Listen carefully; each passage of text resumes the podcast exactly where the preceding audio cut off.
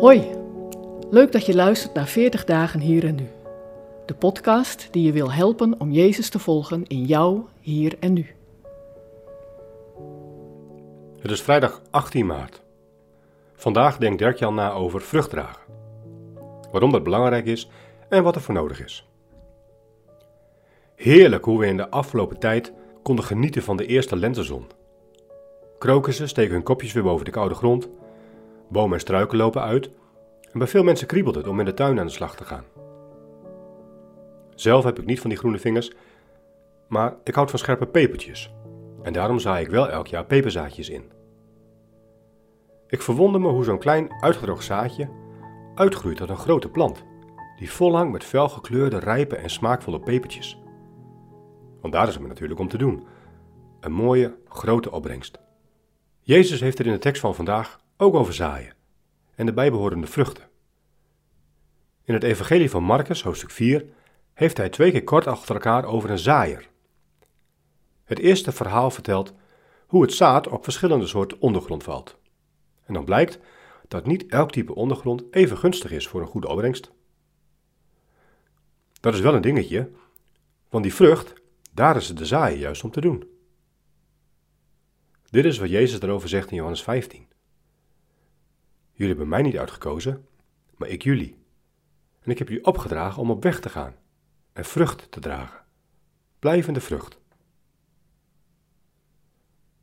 Dit eerste verhaal over zaaien schudt ons wakker. Denk erom dat Gods woord vrucht draagt in je leven.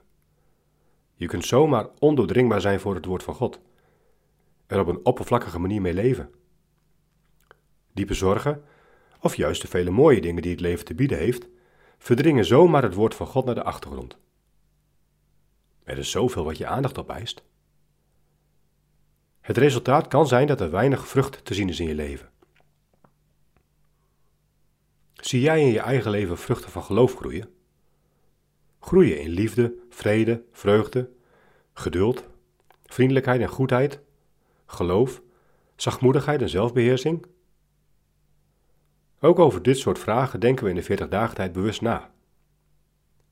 Want voor de zaaier zijn die vruchten van belang. Misschien vind je het wel spannend om zo naar je eigen leven te kijken. Of raak je teleurgesteld over het gebrek aan vruchten dat je ziet. De oplossing is dan niet om met andere Bijbelteksten die spanning er gelijk af te halen. Het evangelie mag schuren. De oplossing zit hem ook niet in het harde je best doen. Je kunt groei niet forceren. Het tweede verhaal heeft een wat ander karakter. Jezus leert ons dat zodra het zaad in goede grond gevallen is, het groeien als vanzelf gaat. Je kunt die groei wel waarnemen, maar hoe het groeiproces precies in zijn werk gaat, dat is en blijft een raadsel. Kijk, dat heeft iets ontspannends in zich. God zaait en hij zorgt zelf voor de groei in ons persoonlijk leven en dat van zijn koninkrijk. Hoe? Daar geeft Jezus zelf het antwoord op. Als je in mij blijft en ik in jou, dan zul je veel vrucht dragen. Maar zonder mij kun je niets doen. Kijk zo eens naar je eigen leven. Waar ben ik met Hem verbonden? En waar niet? Of te weinig? Waar moet ik misschien andere keuzes maken? Met welke distels van afleiding en verleiding moet ik afrekenen, zodat ze niet langer verstikkend werken? Wat moet ik leren loslaten? Wat moet afsterven? Waar verlang ik naar groei? Leg dit de komende tijd aan God voor en strek je naar Hem uit in de wetenschap dat Hij degene is die de groei geeft. En luister dan vandaag ook eens naar het lied Dat het makkelijk zou zijn van Martijn Buwalda.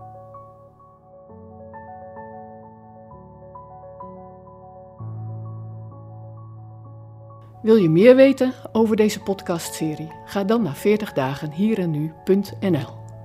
Voor de Bijbelteksten in deze podcast gebruiken we de NBV 21 van het Nederlands en Vlaams Bijbelgenootschap.